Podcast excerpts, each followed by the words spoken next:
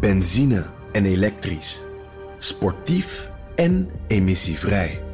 In een Audi plug-in hybride vindt u het allemaal. Ervaar de A6, Q5, Q7 en Q8 standaard met quattro vierwielaandrijving. Wat u ook zoekt, u vindt het in een Audi. Audi. Voorsprong door techniek.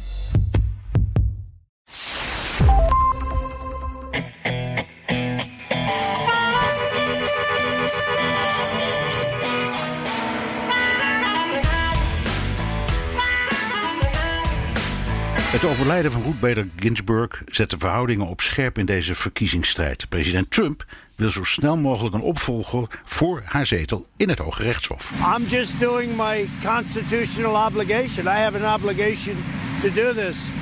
Uh, so I would rather see it before the election. Democraten zijn in de rouw om de dood van deze rockster onder de rechters. Ze zijn ook boos en gefrustreerd dat Trump nu een conservatieve opvolger voor de progressieve Ginsburg aan mag wijzen. Maar wat kunnen ze?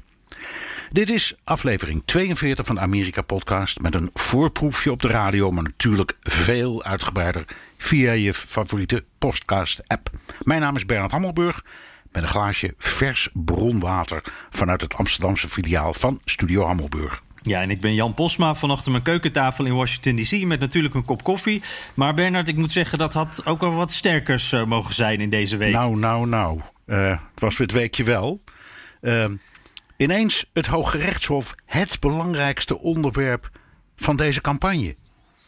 Ja, het, gaat niet meer over politiegeweld. Het gaat niet meer over demonstraties. Het gaat niet meer over brand, waar we het vorige week nog over hadden. Uh, corona. Uh, deze week ga, gaan we door de 200.000 coronadoden in de VS. Maar dat is even geen onderwerp meer. Uh, en, en ja, vooral dat laatste, dat zal Trump natuurlijk niet erg vinden. dit is nu het onderwerp, het Hoge Rechtshof. En dat blijft ook nog wel even zo. Met, met Trump in het middelpunt natuurlijk. ja, het is misschien net te vroeg om het een oktober surprise te kunnen noemen, Bernard. Maar ja, dit kan wel echt groot grote gevolgen hebben. Ja, dit, dit heeft natuurlijk zeer grote gevolgen. Iedereen is het over één ding eens. We gaan uitvoerig praten over de achtergronden. Mag het, kan het, opvolging en ga zo maar door. Maar vast staat dat deze president Donald Trump een stempel drukt op de verre geschiedenis. Want uh, dat uh, Hooggerechtshof maakt een ruk naar rechts. Dat, uh, dat was al zo en dat zal nu uh, nog verder het geval zijn. En ze zeggen vaak, presidenten worden vaak vergeten. Maar de beslissingen van het Hoge Rechtshof dat door een president is benoemd, of voornamelijk door een president is benoemd, ja, dat kan nog heel lang op de geschiedenis blijven drukken. Dus het, wordt, uh, het wordt interessant. De politieke strijd is fantastisch. Eerst even, Jan, uh, hoe is het nieuws in Washington gevallen? Ja, ik, uh, ik was vrijdagavond, toen, toen het nieuws net naar buiten kwam, ben ik naar het Hoge Rechtshof gefietst. Dat zie hier, uh, ik zit in de buurt van het Witte Huis en het Hoge Rechtshof zit achter het, uh, het, het congresgebouw. Uh, ja, aan de andere kant van, van de mall, zeg maar. En daar waren toen al een paar honderd man. en dat is wel heel bijzonder, want normaal gesproken is er natuurlijk helemaal stil op vrijdagavond. Nu mensen met regenboogvlaggen, met kaarsen, met bloemen die daar werden neergelegd. En zo is dat eigenlijk de afgelopen dagen steeds. Daar worden steeds allemaal bloemen neergelegd. Mensen treurden, maar waren ook wel ongerust. Ik hoorde daar allemaal mensen om, om me heen ook praten. Je hoorde dat geroezemoes een beetje. Dan kwamen af en toe elections, Donald Trump. Uh, dat soort termen kwamen er tussendoor. Uh, en ook een soort gevoel van verbijstering. Uh, ik sprak bijvoorbeeld Dan Mariatti. die zei zelf ook eigenlijk wel verbaasd te zijn dat hij daar op dat moment was. I've been asking myself that question. I've never gone out when a celebrity or even another politician died, but I think um, it's a combination of the force of the life that Ruth Bader Ginsburg lived and uh, what she meant to the country, and to see the the pride flags and the little girls and that uh, it's um, and then also uh, out of a kind of prayerfulness, I guess, and solemnity and and hope and deep, deep concern for the future of our country. Uh, after seeing Mitch McConnell's statement less than two hours after she died, uh, just drove home how really grave this could be for the whole country, as well as just being a loss of a great person. So I just, I think just staying at home and thinking about it was driving me a little crazy. So I decided maybe it would be a chance to think it through a little bit and say a little prayer and feel a little solidarity when we need it. It's sadness, of course, but is there also frustration? I, I hear people sometimes. Yeah. Yeah, a lot of frustration. I mean, on the way in, they were playing a uh, they were playing a uh, talk that she gave at Stanford University just uh, two years ago, and they asked her about the divisions in the country, and um, she talked about how it was 93, 96 votes for her when she was named, uh, and that she thinks a lot of her the Republicans she became close friends with would never vote for her today because it's become so partisan. And she just talked about how deep that division is and how damaging it is to the country. And she said, I'm hopeful that we will get back to a time when people put the good of the country before partisanship. And she said, I hope that I live to see that. And she did not. Dan, dat was dus uh, iemand die woont daar in de buurt. Uh, die, die, dacht, ik moet daar gewoon heen. Ik, ik, ik moet wat met dat gevoel.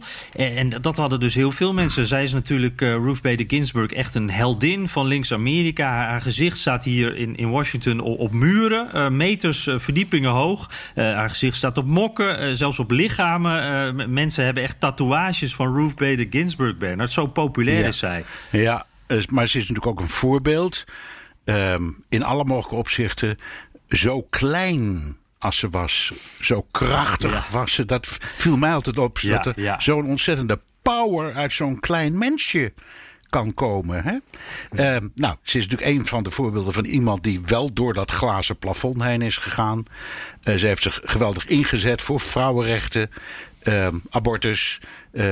al dat soort dingen die voor vrouwen, in geval in de tijd dat ze werd uitgezocht door Bill Clinton, eigenlijk door Hillary, want die had er gesuggereerd. Um, ja, was ze altijd meteen al iemand die zich heeft, enorm heeft ingespannen voor de vrouwen, voor vrouwenbeweging, progressieve vrouw. Uh, en ze is 87 geworden. Um, maar ze bleef jong, ook, ook in die laatste vreselijke periode, want ze had al vleesklierkanker. En moest dus steeds worden opgenomen voor chemotherapie. En dan riep ze van de bed: Ik ga nog even niet dood hoor, want uh, ze hebben me nog even doden. En dan kwam ze eruit en ging ze gewoon weer naar de werk. Uh, ze bleef keihard doorgaan. Uh, nou ja, en elke keer als ze dan weer even, eventjes werd ontslagen uit het ziekenhuis, dan ging er een zucht van verlichting door het dem democratisch kamp.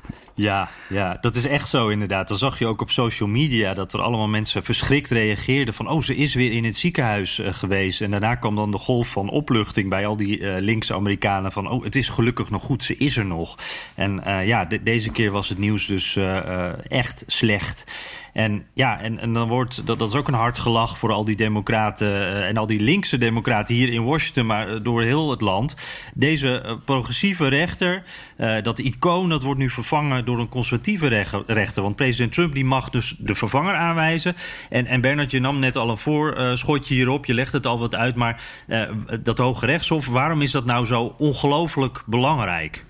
Omdat het um, een andere functie heeft dan bijvoorbeeld onze Hoge Raad. En zelfs iets anders dan onze Raad van State. Het is um, een, een instituut dat in een, in, in een systeem werkt dat wij niet kennen. In, in het Nederlandse recht bijvoorbeeld is de wet onschendbaar. Dus als de Tweede en de Eerste Kamer een wet hebben aangenomen, gecontroleerd door de Raad van State, dan valt aan de juistheid van die wet niet meer te tornen. In het Engelse systeem, wat dus in Amerika wordt toegepast, staat de inhoud van de wet kan ter discussie staan. Dus er, kan over een, een kwestie een conflict ontstaan en dat leg je uiteindelijk voor aan het Hoge Rechtshof. En dat zegt dan de wet klopt wel, of die wet is eigenlijk niet juist, of die moet geamendeerd, of dat doen wij. Uh, en die creëren dan wat dan heet een precedent. En sommige kwesties zijn zo belangrijk dat er helemaal geen wet voor is, maar dat de, de, het Hoogrechtshof die als het ware maakt. Voorbeeld, de bekende uh, abortus.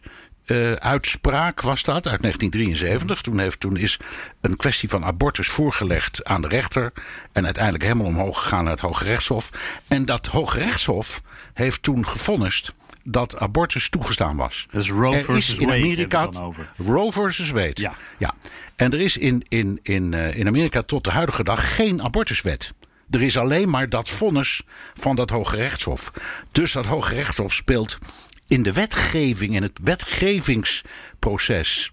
ehm, en in het precedentensysteem, wat heel belangrijk is in de Anglo-Saxische wereld, een mega rol. Mhm. Veel belangrijker dan wij dat hebben in ons systeem. Ja, ja, en je noemt de abortus al. Dat is een onderwerp waar, ook al naar gekeken wordt. Waarvan conservatieven al zeggen van... nou ja, als wij straks eh, echt, echt aan de... nou, ze zijn al aan de beurt, want ze hebben al een meerderheid... maar daar willen wij het straks over hebben. Obamacare, dat komt bijvoorbeeld ook eh, onder die rechter. Ik geloof al een, eh, een week na de verkiezingen... eh, staat dat onderwerp al eh, op de rol. Dus dit zijn onderwerpen waarbij dat Hoge Rechtshof... echt een hele sturende rol kan hebben... voor, voor grote maatschappelijke onderwerpen. Ja, hoger kan je niet en het beslist. Mhm. Ehm, dus in, in, in, de, de Obamacare is een goed voorbeeld. Dat loopt nu jaren. Uiteindelijk moet er een beslist een, een vonnis komen van het Hoge Rechtshof. Klopt het of klopt het niet? Ehm, omdat er nu maar acht leden zijn. En de vraag is of dat nog op tijd komt, hè, die negende. Ehm, kan het zijn dat, het, dat John Roberts, de, de, de, de president van dat gerechtshof, zegt: Ik verwijs de zaak nog even weer terug naar een lagere rechtbank. Totdat we volledig zijn. Dat zou kunnen. En overigens, dat, dat volledige, dat is ook eh, opmerkelijk. Je praat over negen leden, justices worden ze genoemd.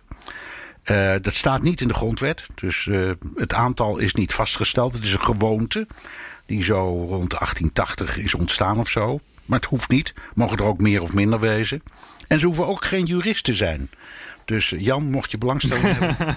ja, Dan heb ik een baan voor het leven. Dus dat, eh, dat is baan wel voor het leven. Ja, ja, ja. Zo is dat. Maar er is nog wel één dingetje waar, waar, waar ik altijd wel weer, weer tegenaan loop. Waar ik ook vanuit Nederland altijd veel vragen over krijg, Bernard. Het zijn toch rechters? Het is toch moeilijk dat een rechter, die wordt door een politicus, door een president aangewezen. Hoe zit dat nou? Ze moeten onafhankelijk zijn. Hè, die blinddoek van vrouwen justitia. Maar tegelijkertijd zijn ze door eh, een, een rechter aangewezen. Is het een politieke benoeming? Eh, dat is het ook. En het Amerikaanse systeem zegt, afhankelijk van wie er regeert, eh, kan dat, eh, kunnen dat soort benoemingen, laten we zeggen, conservatiever of progressiever uitvallen. Je hebt gelijk. Eh, er, wordt er wordt altijd uitgekeken. Bij het Hooggerechtshof hoeft het dus niet, maar het gebeurt wel in de praktijk. Naar rechters, mensen die dus een grote ervaring hebben in het rechtssysteem. En de, de discussie gaat dan natuurlijk niet over conservatief of progressief in juridische zin. Maar die gaat er dan over of je een pure constitutionalist bent of niet. Dat wil zeggen, meet ik alles af zoveel mogelijk naar de letter van de grondwet. Ehm, en de- daarbij horen de interpretatie. Of probeer ik bijvoorbeeld met, dat abortus, eh, met die abortuskwestie ook sturing te geven aan de samenleving. Dat wordt door veel mensen gevoeld als afwijken van de constitutionele opdracht. En dus wordt dat door rechts gezien als links. En daar gaat, daar gaat de strijd nu steeds over. Ja, dus ja. je hoort, je hoort eh, conservatieve presidenten, republikeinse presidenten in het algemeen zeggen: Ik zoek naar iemand die de grondwet heilig vindt. Ja, dit is een beetje als eh, eh, bijbelinterpretatie. Kijk je naar letterlijk de woorden... of kijk je naar de context Ja. waarin je het vandaag de dag zou plaatsen? Ja, ja, precies. En, en daar gaat het dus om. Nou ja, en die pure constitutionalisten. die zijn eh, vaak iets conservatiever. en zeker in hun in- interpretatie van de grondwet, want daar gaat het om. Het is een beetje eh, orakeltaal, die grondwet, op een heleboel punten. Dus je hebt ook mensen nodig die verstandig genoeg zijn om daar de weg in te vinden. En daar heb je dan dat Hoge Rechtshof voor. En het vervelende is, vind ik wel een beetje in die discussie, dat het zich nu allemaal concentreert op die op onderwerpen zoals, weet ik wat, het homohuwelijk of abortus of, of, of, of vrouwenrechten of ga zo maar door. Eh, terwijl dat natuurlijk in het eh, dagelijks werk van zo- zo'n hof minuscule dingen zijn. Het gaat om hele gewone dingen, grote zaken. ehm, eh, en vaak helemaal niet om grote principiële kwesties, maar gewoon iets waar, waarbij, net als bij ons bij de Hoge Raad, dringend een uitspraak nodig is van het Hoge Rechtsorgaan. Hoogste Rechtsorgaan. Dus het is lang niet altijd politiek hoor. Eh, wel vaak, maar lang niet altijd. Ja. Uh, we moeten het misschien eens eventjes over ook die politieke strijd wel hebben hierover. Hè? Uh, want uh, Trump die wil dit er snel doorheen brengen. Democraten die zitten ondertussen ook nog te denken aan een vorig zaakje. Merrick Garland, dat was de rechter die Obama wilde aandragen. toen hij in het laatste jaar van zijn presidentschap zat in 2016. dat mocht toen niet van McConnell, de leider van de Republikeinen in de Senaat. maar nu zegt diezelfde McConnell van, uh, ja, toen zei hij dus van, dit mag niet in een verkiezingsjaar, uh, het volk moet hierover beslissen. McConnell zegt nu, hoewel we nu maar anderhalve maand voor die verkiezingen zitten, oh, prima, geen probleem. Het gaat er namelijk om dat de kandidaat uh, die wordt voorgedragen van dezelfde partij is uh, als de president en de senaat. Dus, dus, met andere woorden, als we een republikeinse president hebben, een republikeinse senaat, dan mogen we best een republikeinse kandidaat aanwijzen. Maar het is als er een democraat is die een kandidaat aanwijst en daar moet dan een republikeinse senaat over oordelen, dat mag niet. Dat is nu het verschil. En dit is iets waar die democraten heel boos over zijn. die zeggen dit is oneerlijk. Waarom is het acht maanden voordat de verkiezingen er zijn, zoals in 2016, waarom is dat dan te politiek? En mag het nu zo vlak voor die verkiezingen wel? Uh, maar ja, Bernard, dit, zijn ook de regels. Hè? Die democraten kunnen daar eigenlijk helemaal niks aan doen. Nee, nee, volgens de regels mag het gewoon en gaat het ook gebeuren. Um, en er zit natuurlijk eh, ja, van, van over en weer zit er heel veel oud zeer. En oh, er zijn ook wel dingen die, die pijn doen als je erover nadenkt. Wat Obama destijds heeft geprobeerd was naar mijn idee volstrekt plausibel dat hij in het laatste jaar van zijn termijn zei: Ik, ik, ik wil een, een, een voordracht doen. Maar je weet, in de zes, zes van de acht jaar waarin Obama president is geweest, had, waren beide huizen in handen van de Republikeinen. En die Republikeinen hebben toen gewoon met zoveel woorden in het openbaar gezegd: waar die man ook mee komt, wij gaan het tegenhouden. Maakt niet uit wat het is. En dat hebben ze ook gedaan. Waar ze maar konden. Uh, dat heeft geleid tot, uh, tot een enorme ja, loopgravenoorlog in Washington. En dit is gewoon deel 2 daarvan. Die Republikeinen zijn zo blij met de winst die ze hebben gehaald in de Senaat. Daar hebben ze nog steeds de meerderheid. Dat ze zeggen: we knijpen alles wat die uh, democraten destijds hebben geprobeerd, dat knijpen we als een citroen uit.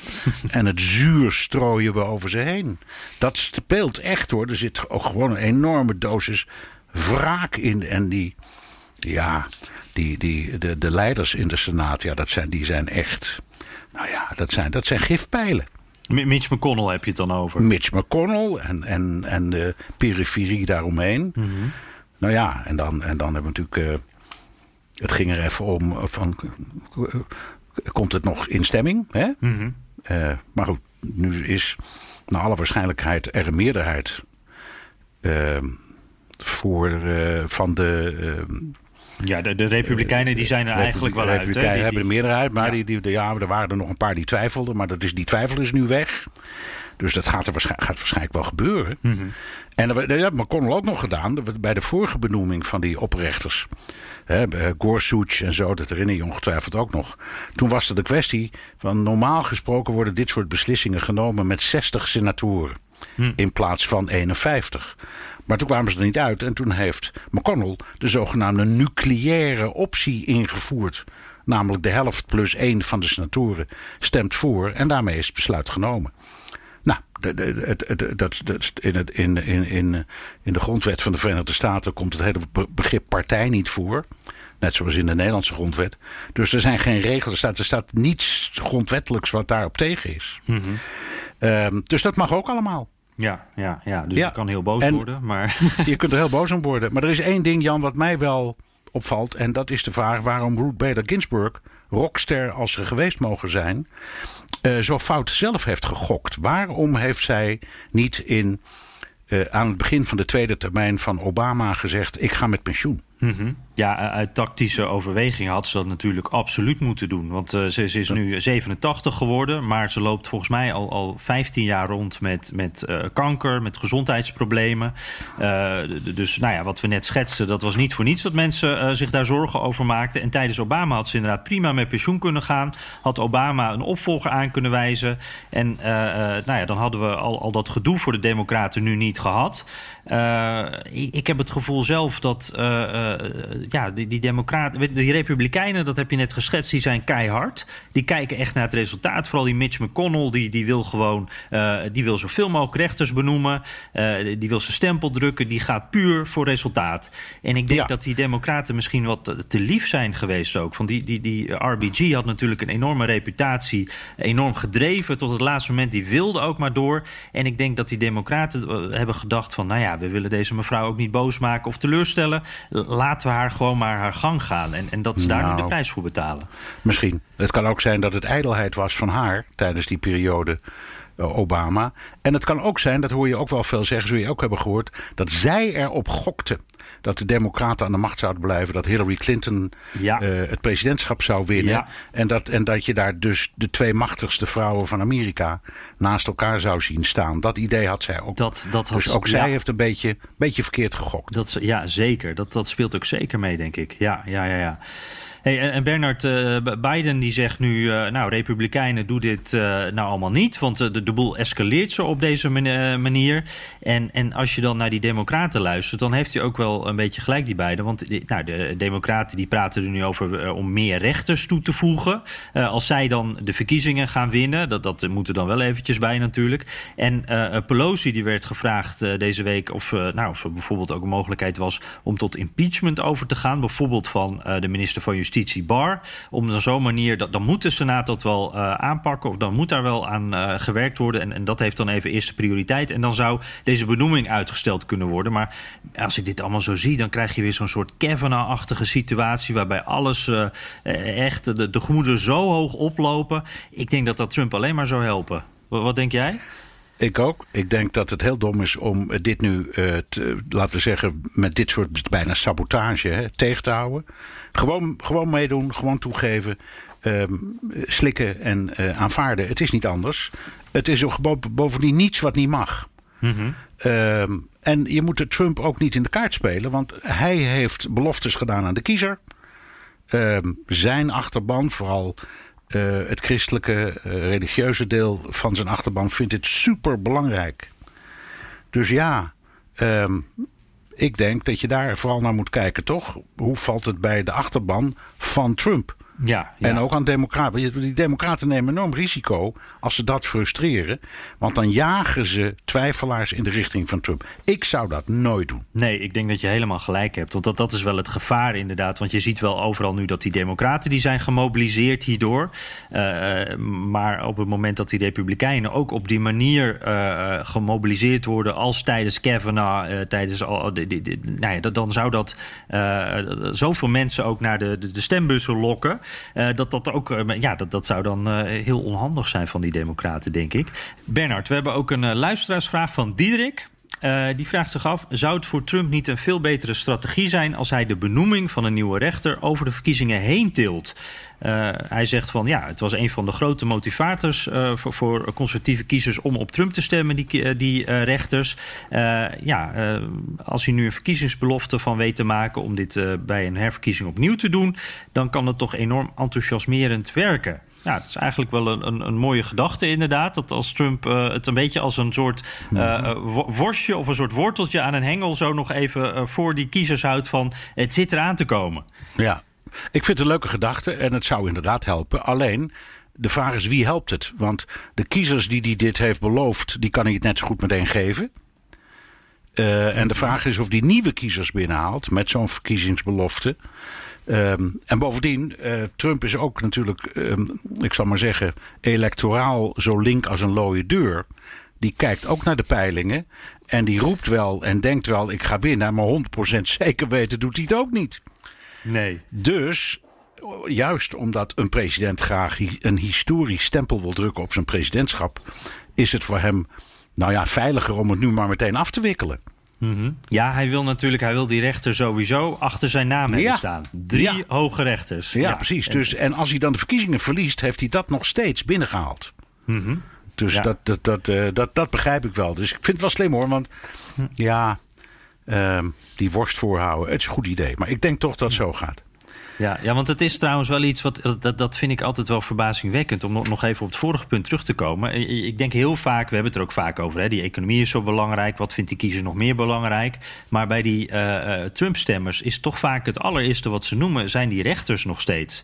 En ik denk dat dat komt ook een beetje omdat het zo makkelijk meetbaar is. Hè. Je, je, hebt er al twee, uh, hij heeft er al twee geregeld voor ons. Maar het is dus wel echt iets. je zou zeggen, het is ook iets stoffigs. Iets wat misschien ver weg is. als je zelf geen baan hebt en hele andere zorgen. Maar het gaat ook echt over onderwerpen die mensen aan het hart gaat. Uh, dus het is echt wel eh, een gevoelsonderwerp voor, uh, voor, voor veel Republikeinen. Zeker. Oké, wie gaat worden, Jan?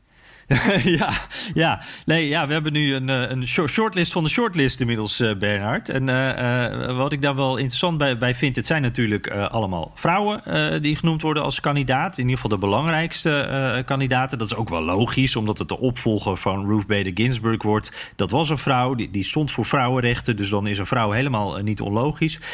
maar ik kijk dan ook een beetje naar de Latino's, want dat heeft er ook mee te maken. We hebben nu de twee meest genoemde namen. Barbara Lagoa. Uh, zij komt uit Florida. Uh, en, en daar wordt dan van gezegd van ja, wacht even. Als jij een jonge Latino-rechter uh, zou kiezen uit Florida... dat zou toch wel heel slim zijn zo vlak voor die verkiezingen. Want dan zijn al die mensen uit Florida natuurlijk enorm trots. trots. Zij is van Cubaanse afkomst. Daarmee zou je nou, die kiezer binnen kunnen halen. En een andere uh, naam, die, dat is eigenlijk de favoriet op dit moment, Amy Comey Barrett. En zij is echt een, een hele conservatieve rechter, uh, katholiek, uh, heel duidelijk standpunt tegen abortus. En, en dat is dan echt een kandidaat. Ik zei al, zij is de, de favoriet, wordt nu gezegd. Al weet je bij Trump nooit. Maar daarmee zou je dus echt die conservatieve kiezer enorm aanspreken. Eens. Ik denk ook dat zij het wordt. en Barbara Lagoa, die is inderdaad Cubaans. Um, maar de Cubaanse gemeenschap is, de, de traditionele Cubaanse gemeenschap is um, eigenlijk al sinds de mislukte pogingen van Kennedy om dat land te bevrijden, uh, al zeer uh, republikeins. Mm -hmm. Dus het grote deel, vooral de oudere generatie, maar de mensen die voor, laten we zeggen, voor Trump tellen, die heeft hij al in Florida, in die Cubaanse gemeenschap. Dus daarvoor hoeft hij niet een Latina te benoemen, bedoel ik. Maar dus, wat, wat, denk jij dan? Want je zou ook zeggen voor, voor, voor Barrett, de, de, de, die conservatieve heeft hij eigenlijk ook al binnen. Hij heeft al twee ja, maar, rechters voor hem geregeld. Ja, maar, maar eh, om het maar even simpel te houden, dat is een uh, gemiddelde witte Amerikaanse vrouw. Die is voor iedereen. Uh, en die behoort niet echt bij een groepje. Ja, precies. En, en ja. die mevrouw Lagoa wel. Ik zeg het onaardiger dan ik het bedoel hoor. Want het, het is eigenlijk misschien omgekeerd. Het is reusachtig aardig als je juist mensen uit een minderheids groep in dat, in dat hof haalt. Dus zo bedoel ja. ik het niet. Maar ik denk dat het electoraal gewoon slimmer is. Nou, om, want, want op, jij, ook Comey beetje, in te zetten. Waar, waar, jij ook op bedoelt waarschijnlijk. We kijken allemaal naar die vrouwen in de voorsteden, uh, in de suburbs. En, en, dan, dan zou een, een vrouwelijke kandidaat uh, die, die voor veel mensen zeg maar, uh, toegankelijk is... of voor veel mensen, dichtbij veel mensen staat... dat zou dan sowieso slim Ja. zijn. En dan zou Barrett misschien meer mensen aanspreken. Ja, dat denk ik. En, en, en het profiel van die vrouwen in die, uh, in, in, in, in die buurten is ook vaak een beetje conservatief, zelf wit, vaak ook redelijk religieus. In die, in, die, in die voorsteden gaan mensen graag en veel naar de kerk en zo. En zij, die Amy Comey Barrett past voor mij best in dat beeld. Dus ik denk dat dat geen slechte is voor Nee, Trump nee. om te doen. Nou, zaterdag weten we het, hè? dan gaat hij het vertellen. dan, dan, gaat hij, uh, dan komt hij met zijn voordracht. Ja, En dan gaat ja, precies. Ja. met de snelheid van het geluid door het, door het congres. En uh, ja, ik ben, ben benieuwd of dat dan nog voor de verkiezing is. Want wat gebeurt als het na de verkiezing is? Is ook interessant. Hmm. Dan, dan is het, het zittende, uh, de zittende senaat is demissionair. Maar die kan Hmm. nog steeds stemmen, hè? Ja, dat is dan die lame duck session. Ja. eh, waarin we eigenlijk allemaal een beetje wachten op die inauguratie. En, en dat de nieuwe Ja. senatoren binnenkomen. Maar ze kunnen nog gewoon eh, hun werk doen. Dus, ja, en ook dit soort belangrijke dingen. Hé, hey, nou hebben we het plotseling over uh, verkiezingen, Jan. Oh ja. Ja, ja dat natuurlijk hangt allemaal. Het is allemaal verkiezingen en dat is het leuke. Uh, in Virginia staan ze al lang in de rij. Om te welke, stemmen, welke kant wordt nou het meest gemotiveerd door dit nieuws om te gaan stemmen? Ja, ja, ja, dat is een hele interessante. En ik heb het gevoel, ook kijkende naar die lange rijen... Uh, ze mogen daar al vervroegd stemmen. Uh, in meer plekken in Amerika natuurlijk... waar ook al met de post uh, en allerlei manieren al gestemd wordt. En daar staan mensen echt uren in de rij om hun stem uit te mogen brengen. En wat ik dan wel zie, is dat het heel veel mensen met mondkapjes zijn. dat zegt al iets. En dat zijn ook vaak mensen die wat meer aan de democratische kant staan. ik heb op dit moment wel het gevoel... ook, ik ben, zit een beetje op dit onderwerp trouwens even in een bubbel, moet ik er meteen bij zetten. Want Washington is natuurlijk een, uh, een democratische plek. Uh, ik spreek veel democraten hier. Ik ga ook straks weer de stad uit hoor. Maar op dit moment spreek ik vooral democraten. Maar dan valt het me enorm op hoeveel emotie hierbij zit. Hoe geschrokken ze zijn. die frustratie dus, die we ook eerder hebben laten horen. Dus ik heb het gevoel dat op dit moment vooral democraten hier van opschrikken. En dat republikeinen eerder wat denken van... nou ja, prima, dit hebben we in de pocket. Weer een vinkje erbij voor Trump. Dus heel fijn. Maar dat het misschien niet een onderwerp is waar dat niet die schrik er echt in zit. En dat ze misschien niet meteen heel erg gemotiveerd daardoor worden om te gaan stemmen. Ik, ik heb precies dezelfde indruk. Ik denk dat uh, de Democraten erger. Die zijn geschrokken. En Republikeinen zijn gelukkig. Om het even heel simpel te houden. en als je schrikt en je bent ongelukkig, dan denk je: wat kan ik eraan doen? Nou, bijvoorbeeld stemmen. Dus laat ik, dat, laat ik dat nou maar zo snel mogelijk gedaan hebben. En ze doet het natuurlijk niet alleen daarom. Maar dit is een, een aanleiding. Er is ook die hele ruzie over de post en al die twijfel. Dat heel veel mensen misschien denken: weet je wat, dit is een mooie aanleiding. Laat ik nou meteen zo'n biljet invullen en meteen op de, op de, op de, in, de, in de bus kiepen en klaar. Mhm. ja, ja, precies. Ja, en die schrikreactie, dat zie je ook in hoeveel geld uh, er is binnengehaald. Uh, ActBlue, dat is zo'n zo ja, zo'n verzamelplek voor democraten. Uh, die hadden in een paar dagen nadat de dood van Ginsburg bekend werd gemaakt... toen werd er echt 100 miljoen dollar binnengehaald. Toen werd echt op één dag, ik geloof de, die zaterdag... dat er 70 miljoen op één dag werd binnengehaald. Dat was een record. Dus ik denk dat, dat het geeft ook wel aan hoe mensen hiermee bezig zijn... dat ze wat willen doen. Ze kunnen eigenlijk niks doen. Dan ja, zijn het toch die verkiezingen, denk ik. Ja. Het enige wat je je kan doen dus. Het enige wat je kan doen. En dan, uh, ja, het blijft iets, iets bijna krankzinnigs, hè, die geldkwestie, elke keer weer. Ja, maar, ja maar, je hebt, maar je, hebt, je hebt natuurlijk heel veel geld nodig om je campagnefilmpjes te maken, je commercials te maken.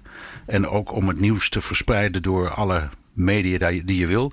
Ik zag van de week beelden weer van oude wetse mensen die aanbelden, Jan met, hm. met foldertjes. Dat vond ik toch ook wel weer schattig. Het bestaat Ze nog, zijn er weer, ja. Get out the vote, ja. ja. Maar het is in deze tijd heel lastig. Dus die mensen die zeggen dan... Kan ik u helpen bijvoorbeeld bij het registreren om uh, te, te, stemmen? Hè? Dan moet je apart voor registreren.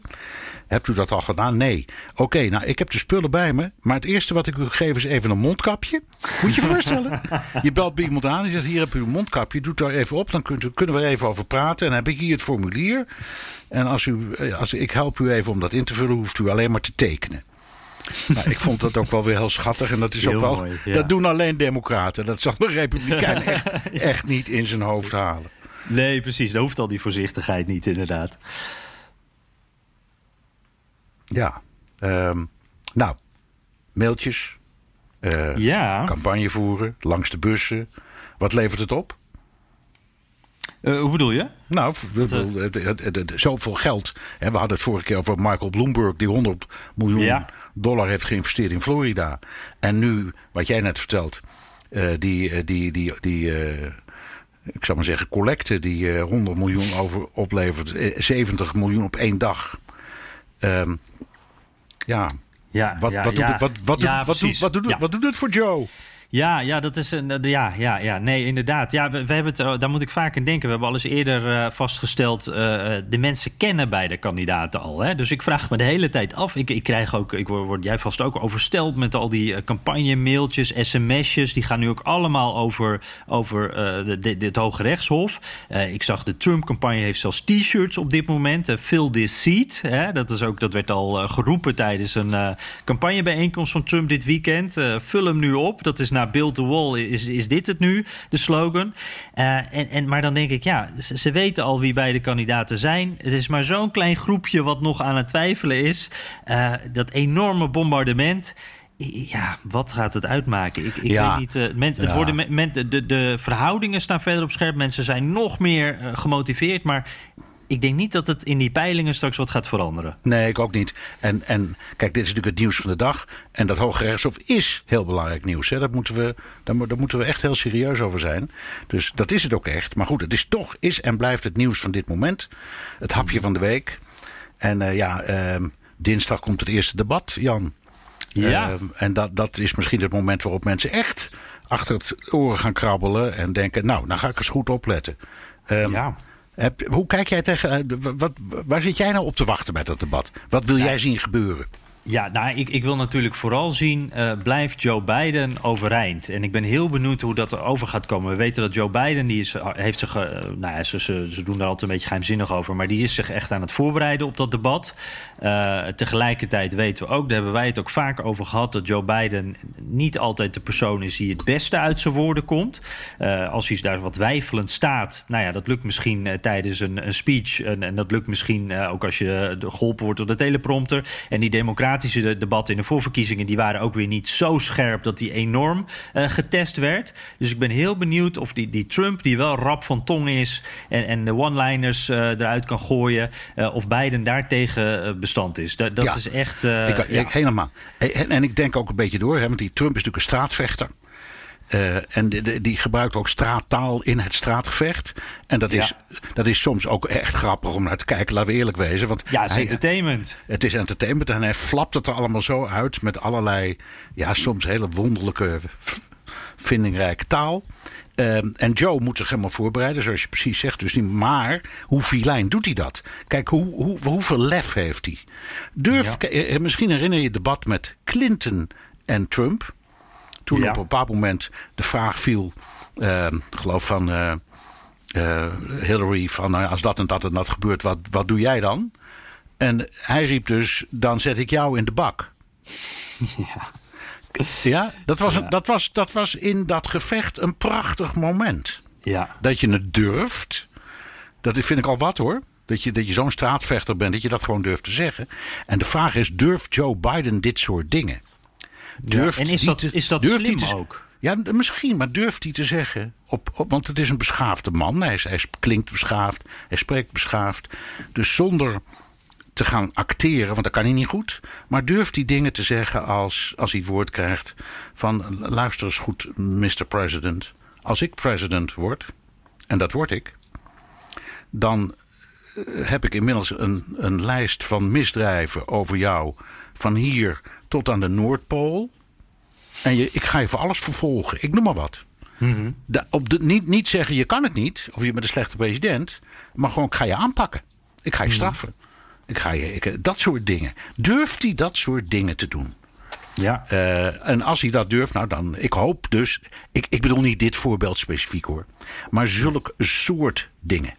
Ja, ik, uh, als, eigenlijk als, kan, kan, hij vuurwerk tegenover kan dat vuurwerk van, bij, geven van en, ja, en, durf, en, durft hij deze straatvechter te pareren met, uh, met harde taal, harde uitspraken, harde uitdagingen. Ja. Uh, en ook gewoon betrappen op fouten. Uh, factchecken waar die bij staat. En ja. zeg je, je liegt de hele boel bij elkaar, want het zit zo. Dus je kan het wel heel hard roepen met je grote mond en je rode haar. Maar het klopt niet. ja? Dat soort dingen, dat zou Trump durven. Ja, en de vraag ja, is, durft, durft Joe Biden dat ook? Als hij dat durft en kan, nou dan zitten wij te smullen. En ik denk de kiezer ook wel. Ja, zeker. Dat denk ik ook, ja. ja. En het is natuurlijk, er zit een soort val in voor Biden, denk ik ook. Dat hij, uh, hij zal het inhoudelijk willen doen. Dat heeft Clinton ook gedaan. Uh, toen was eigenlijk iedereen het er wel over eens dat Clinton die debatten wel won. Uh, maar het hielp helemaal niks. Dus je, je moet toch je moet er wat anders tegenover stellen. En misschien Ja. is dat inderdaad wel dat vuurwerk waar jij het over hebt. ja. dus nou, daar zit ik dan op te wachten. Dus ik verheug me erop hoor. Ja, zeker. Ik ook, ja, ja, absoluut. ja. Oké, Jan. Uh, aan het werk. Dit was allemaal gebabbel. Ja, nu gaan we maar, echt maar nu het serieuze werk. De luisteraars vragen. Heb je alweer dikke postzakken vol staan? Zeker, het was weer uh, slepen, Bernard. Uh, Robert van den Eertweg uh, uit Utah. het blijft voor mij een groot vraagteken waarom binnen de Democratische Partij niet een krachtiger antwoord op Trump komt. Speelt het mee dat bij een verkiezingscampagne tegen een zittende president sommige kanshebbers liever nog vier jaar wachten, alvorens zij zich verkiesbaar stellen? En hij denkt dan met name aan de heer Andrew Cuomo. die had toch dankzij zijn krachtige vertoning een serieuze kanshebber kunnen zijn. Ja, even van achter naar voren. Wat mij betreft. Ja. Cuomo had inderdaad een kanshebber geweest, maar pas toen de coronacrisis liep. Daarvoor was Andrew Cuomo buitengewoon impopulair, ook in zijn eigen staat. Dus hij is wel een, een, ook een rockster geworden hè, in een hele korte tijd. En iedereen denkt, potdomme, dat zou waarschijnlijk een hele goede zijn. Dat we daar niet eerder aan hebben gedacht. Maar, maar eh, to- daarvoor vond iedereen het gewoon een, een, een, eh, ja... Een bal eigenlijk, toch? Een, een bal, ja. Ja. En, eh, en, en groot geworden omdat zijn vader toevallig gouverneur was geweest. En ook presidentskandidaat. En omdat zijn broertje bij CNN werkt en, en, enzovoort, enzovoort. Dus eh, ja, maar hij was bovendien te laat. Hij kon niet meer inschrijven, zal ik maar zeggen. Hij kon niet meer in 50 staten zich registreren. En wat dat vier jaar wachten betreft, daar zit ik ook steeds over te denken, Jan. Ik vind het een goede vraag. Omdat misschien heel veel mensen, ook in die democratische partij, denken... jongens, dit valt niet te winnen. Dus waarom zouden wij ons zo druk maken? Laat die man zichzelf maar klemlopen in die volgende vier jaar. En daarna komt onze kans. Dat zou best kunnen hoor. Ja. Ik, vind het, ik vind het een goede van Robert. Ja, ja, inderdaad. Want eigenlijk is het dan inderdaad... laat dan de man het maar doen die nog één laatste kans heeft. En dat is eh, Biden natuurlijk. Ja. En dan eh, de, de rest eh, kijkt er wel over vier jaar. Ja, ze zou maar kunnen. Eh, Albert Mollema, die eh, luistert meestal fietsend of wandelend. Eh, de direct, directe aanleiding om nu een bericht te sturen was Jans 9-11-verhaal. Toen Jan, over de vismarkt wandelde, dit hebben we vorige week besproken, hè, van Zeker. waar wij waren op 9, eh, 9-11, liep ik een paar kilometer verderop in het natuurkundegebouw van de universiteit een studiezaaltje binnen, waar ik ook het sportvliegje, vliegtuigje vliegt het WTC binnen verhaal te horen kreeg. Zeer herkenbaar verhaal, dus leuk om te vernemen dat we van allebei tegelijkertijd student aan de rug zijn geweest. Ja, dat is inderdaad wel eh, heel eh, grappig Leuk, om te hè? horen. Ja. Ja, eh, iedereen heeft zo'n moment. Hè. Ten slotte ook nog een vraag. De afgelopen tijd zijn er in het Midden-Oosten onder leiding van de VS meerdere doorbraken tot stand gekomen.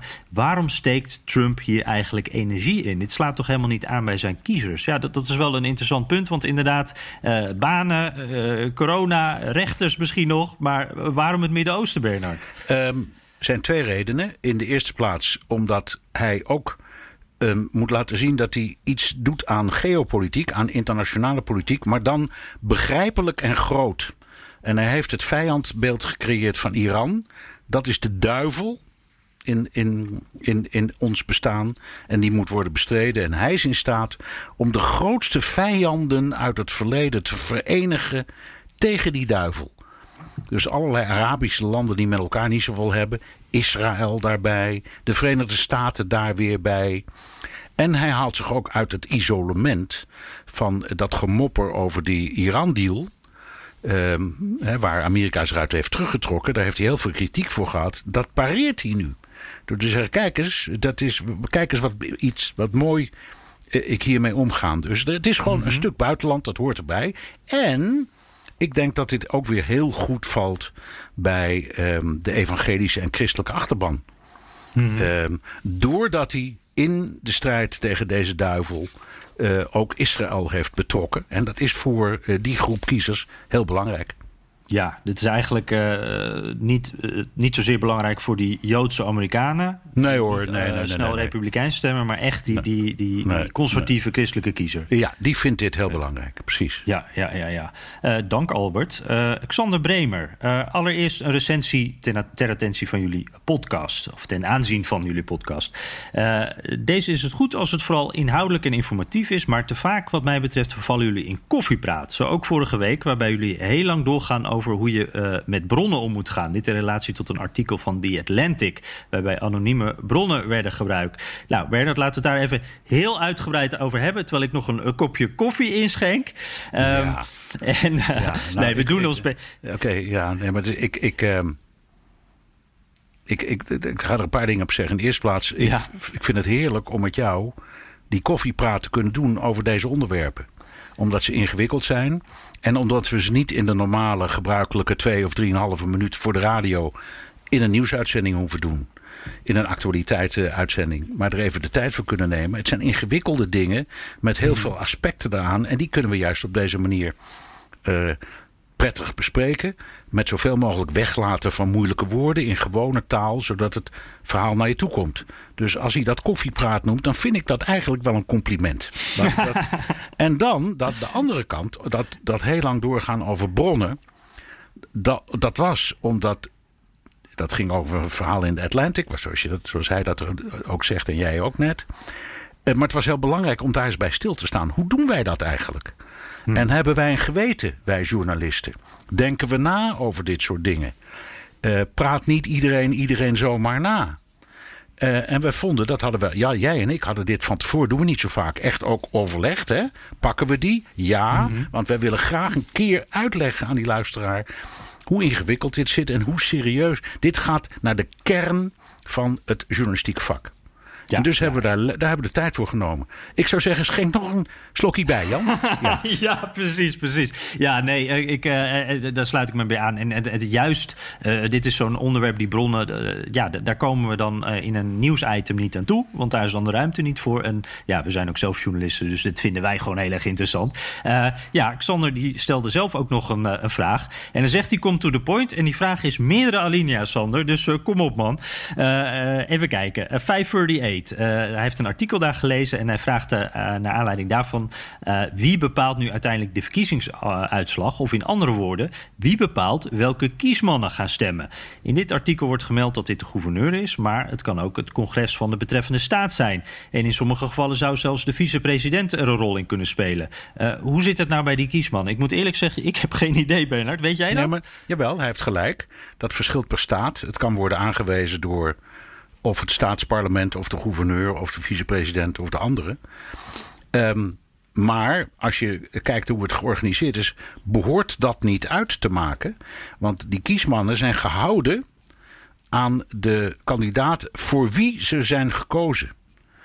Dus de kiesmannen van Trump hebben weinig eh, bewegingsruimte. Die kunnen eigenlijk alleen maar op Trump stemmen. Formeel niet, maar moreel wel.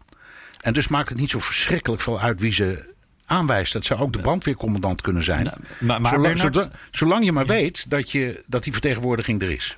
Ja, maar, maar die, dat morele eraan, dat is natuurlijk buigzaam. Uh, en we hebben natuurlijk uh, vorige week ook besproken... van die verkiezingsuitslag kan nog wel ingewikkeld worden voor verschillende staten. Stel nou dat die deadlines niet worden gehaald. De, en, en bijvoorbeeld een Pennsylvania moet dan zelf die kiesmannen gaan aanwijzen. En dan maakt het nogal wat uit of dat een... stel dat je een democratische gouverneur hebt en een republikeins... hoe heet het? congres daar. dan zou het verschil uit kunnen maken wat voor soort kiesman ze sturen, toch? Dan... Dat zou verschil uit kunnen maken, maar het blijft een rechtsstaat. Hè? Je kunt het allemaal aanvechten. En dat gebeurt ook wel eens. Um, ja, Komen we weer bij het Hoge Rechtshof uit? Komen we weer bij het Hoge Rechtshof uit. En dit is nu typisch zo'n kwestie waar het Hoge Rechtshof echt niet politiek zal zijn hoor. Mm -hmm. nee, Je zullen gewoon uh... kijken, is, is dit gebeurd zoals het hoort? Um, ik kan me trouwens ook geen geval herinneren waarbij over de kiesmannen zelf een conflict is ontstaan kan ik me ook niet herinneren. Niet uh, in de moderne geschiedenis in ieder geval. Nou ja, goed. We moeten overal mee rekening houden in deze tijd. In ieder ja. geval, dankjewel, Sander. Uh, Rob van Bergen. Ik luisterde recent naar een podcast van uh, Gaslight Nation. Of Gaslit Nation. Uh, journalisten Sarah Kenzier en Andrea uh, Chalupa zoomen in op Trumps uh, regering en zien het als een autocratisch bewind en beto betogen dat het wordt gekenmerkt door een ongekende mate van corruptie, maffiapraktijken, vriendjespolitiek en criminaliteit. Ook signaleren zij een onwil of onmacht van de Amerikaanse media om die regering hierop aan te spreken. Uh, hoe kijken jullie hier tegenaan? Ik ben erg benieuwd of jullie de regering op een ja. soortgelijke manier zouden beschrijven. Ja, je hoort dat overal. Um steeds maar zeggen. Um, het is nogal wat. Corruptie, maffiapraktijken, vriendjespolitiek, ongetwijfeld trouwens, criminaliteit. Nou ja, dat gebeurt af en toe en er komt ook wel eens iemand voor de rechter uit zo'n kabinet. Maar corruptie en maffiapraktijken, ik vind het nogal wat. Dus ik, hm. ik heb het idee dat dit toch ook wel heel erg vooringenomen is. En als het zo is, dan zou ik er de bewijzen wel voor willen zien. Dus ja, en, ik, ik, ik, ga hier niet zomaar in mee. Ik vind, uh, en dat, kijk, een autocratie, je ziet dat vaak. Het is een democratie. De mensen hebben gekozen wie ze hebben gekozen. En waarschijnlijk gaan ze hem herkiezen. Die kans is heel uh, redelijk aanwezig.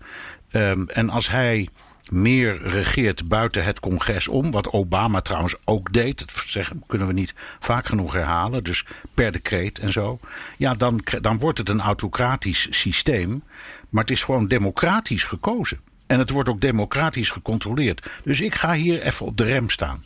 Mhm. ik, ik zeg niet omdat dit een enge trekjes heeft, dat, dat heeft het ongetwijfeld. Is het nou maar in één keer allemaal een autocratie of een soort dictatuur aan het worden? Ik doe daar niet aan mee, aan die, uh, aan, aan die gedachtekant. En, en, en het zijn allemaal maar, ja, ik vind een frame.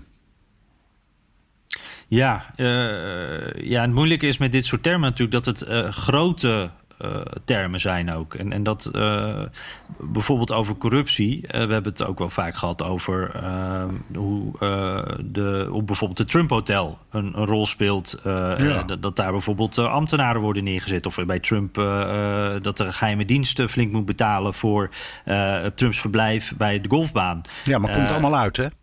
Ja, precies. En, en, ja, valt dat dan en, al onder dat corruptie? Valt dan dat gewoon zoals de rechtsstaat dat hoort te doen. Er speelt uh, in Nederland ook van alles met een heel onderzoek naar corruptie bij de politie. Maar, dat gebeurt ja. en die dingen komen dan uit. Maar, nou, maar wat je. Ja. Misschien zitten we meer op het punt dat de, de, Trump. En, en dan moet je ook nog het verschil, denk ik, maken tussen de Trump-campagne uh, en, en, en, en, de Trump-regering. Uh, maar goed, dat daar wel de regels wat worden in opgerekt. Uh, constant. En dat je daardoor wel kan zeggen van we gaan wel uh, die kant heel voorzichtig op. En ze, zij proberen net langs het randje te gaan steeds. Ja. Ja, ik dat dat maar wel... Oké, okay, maar er is nog altijd uh, politie en justitie. En als het misgaat, gaat het mis. En je hebt nog altijd mogelijkheid om te zeggen: Weet je wat, ik stem toch voor Biden, hè? Dan is het hele zootje opgeruimd. Het mag en het kan. Ja, ja precies. precies. Ja. Nou, uh, uh, Max van Meerten. Um, even kijken. Ja, die had een leuk verhaal. Uh, die grijpt even terug op een eigen ervaring tijdens de laatste Amerika-reis, klein jaar geleden. Na een rondje door de Blue Ridge Mountains bezochten we de laatste paar dagen Jans Washington D.C. Na een week door de Appalachen kan je je overigens niet voorstellen dat er nog mensen in Amerika wonen die niet op Trump stemmen. Maar dat terzijde. Ja, dat, is, dat zijn al die vlaggen en zo. Ja, hè? Nou, ja. Ja, ja. In Washington zag ik grote groepen schoolkinderen die door de stad liepen om onder meer de imposante musea aan de Mall te bezichtigen. Daarbij vielen de vele rode Make America Great Again petjes op die de kinderen dragen. Is dat gewoon een leuk souvenir als je DC bezoekt? Is Trump, ook onder kinderen maatloos populair? Of gaan scholen uit republikeins georiënteerde regio's uh, eerder naar Washington uh, als er een republikein aan de macht is? Nou, ik vond dit wel een hele leuke, want dit is mij ook opgevallen. En op dit moment uh, zijn er geen schoolklassen, of bijna niks, vanwege corona natuurlijk. En de meeste musea zijn dicht of gaan voorzichtig weer open. Um, maar die, die petjes inderdaad. En ook de t-shirts en, en, uh, en de truien. En, en ik uh, was hier, uh, dat was vorig jaar ergens, was ik hier in een winkelcentrum. En dan kom je ook zo'n hele schoolklas tegen. En dan heeft de helft heeft zo'n petje op.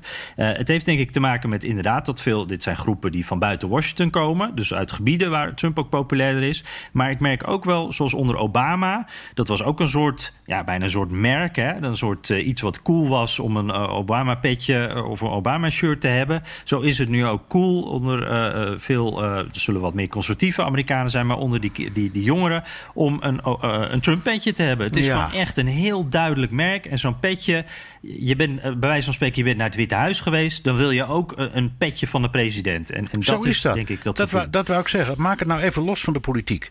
Je bent 11 jaar oud en je mag met school naar Washington. Dan wil je een petje van de president van de Verenigde Staten op je kop. Ja, ja, dus het is zo ook simpel dat, is het. Het is gewoon een heel sterk merk, hè? Dat Ja. petje is zo slim. Dat Dus ik, het is en een souvenir. Dus ik, ik weet ook niet of je daar. Het kan hoor. Ik, bedoel, ik, ik wil niet naïef zijn. Maar ik denk dat dat voor die gewone kinderen gewoon leuk is. Herinneringen aan. de- Hij is gewoon de president. Mhm. En wij kunnen dan wel ehm, op. ehm, de, de bij ons passende toon eh, allerlei commentaar hebben over wie die man is en hoe die handelt. Maar voor een gewoon kind van platteland is het de president van de Verenigde Staten. Punt. Ja, en dat ja. petje, dat hoort bij hem. Ja, precies. precies. Ja. Iedereen, eh, als je een rood petje ziet, denk je meteen aan eh, Trump. Hij noemt dan ook nog, dat vond ik wel grappig, eh, hij heeft ook nog de Senaat bezocht. En dan viel hem op, een democratische senator die een lang betoog hield... maar de hele zaal was leeg. Alleen de voorzitter zat er en er was een beetje personeel. Gaat dat altijd zo, vraagt hij. Ehm, het antwoord is heel vaak, net als in Nederland. Als je naar de Tweede Kamer kijkt, zie je daar ook vaak één of twee mensen die een verhaal houden en de voorzitter. Eh, omdat dat nu eenmaal zo, ja, zo werkt dat wel eens. Eh, soms bij de stemmingen, net als in Nederland, moeten ze er allemaal zijn. Voor zover niet verhinderd door ziekte of andere dingen. Uh, dus dat hangt een beetje van de omstandigheden af. Maar het kan inderdaad dat je toevallig een moment hebt waarop iemand in zijn eentje een verhaal houdt. En het is allemaal voor de record. Hè? Dus het wordt wel degelijk in de, in de handelingen opgenomen. En het moet dus op de vloer worden uitgesproken. Dus ja, slecht getroffen. Ik heb daar, net als jij, ongetwijfeld ook heel vaak gezeten op die publieke tribune. Hmm. En ik vind het vaak een heel mooi schouwspel hoor. Hoe, uh, hoe dat werkt en vooral. Um, ja, de, de, regels. Kijk, in het huis heb je tijden, hè? dus dan krijg je spreektijd. Maar de Senaat heeft geen regels. Dus daar mag je net zo lang doorpraten als je wil. Uh, en dat gebeurt ook vaak. Ja, zeker, ja. zeker. Ja. ja, ach, en het is een beetje politiek theater, hè? Uh, wat ook uh, misschien wel een goede samenvatting is van deze aflevering. Ik weet het niet. Dit was hem in ieder geval weer de Amerika-podcast. We genieten altijd van recensies, Jan. Hebben we op- of aanmerkingen?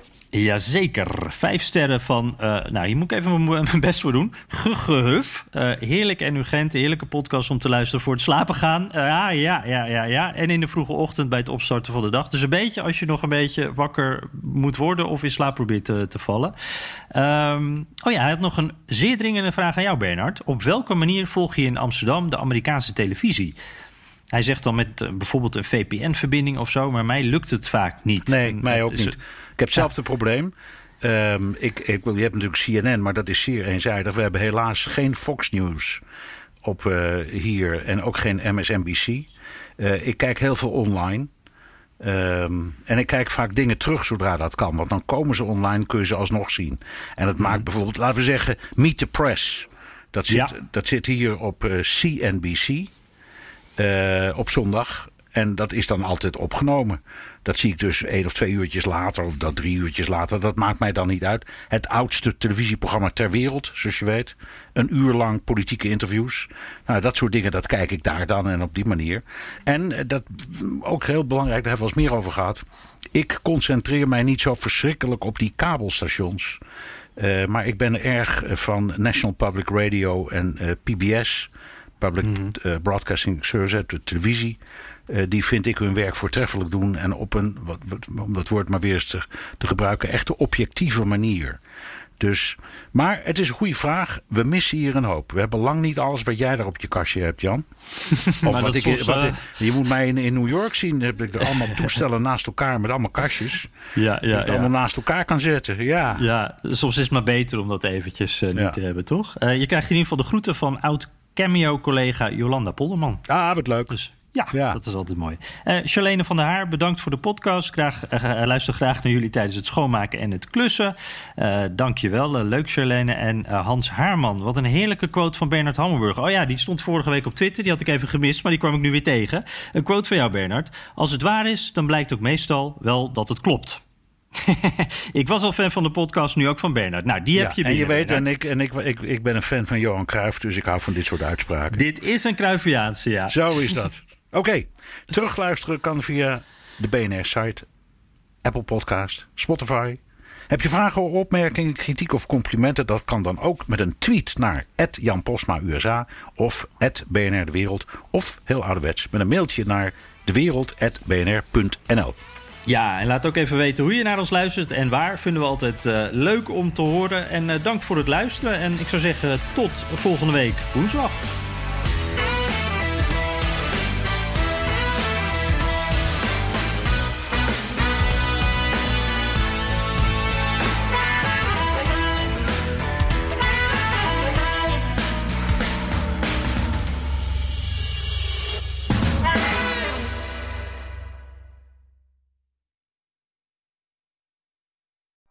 Benzine en elektrisch. Sportief en emissievrij. In een Audi plug-in hybride vindt u het allemaal. Ervaar de A6, Q5, Q7 en Q8 standaard met quattro vierwielaandrijving. Wat u ook zoekt, u vindt het in een Audi. Audi. Voorsprong door techniek.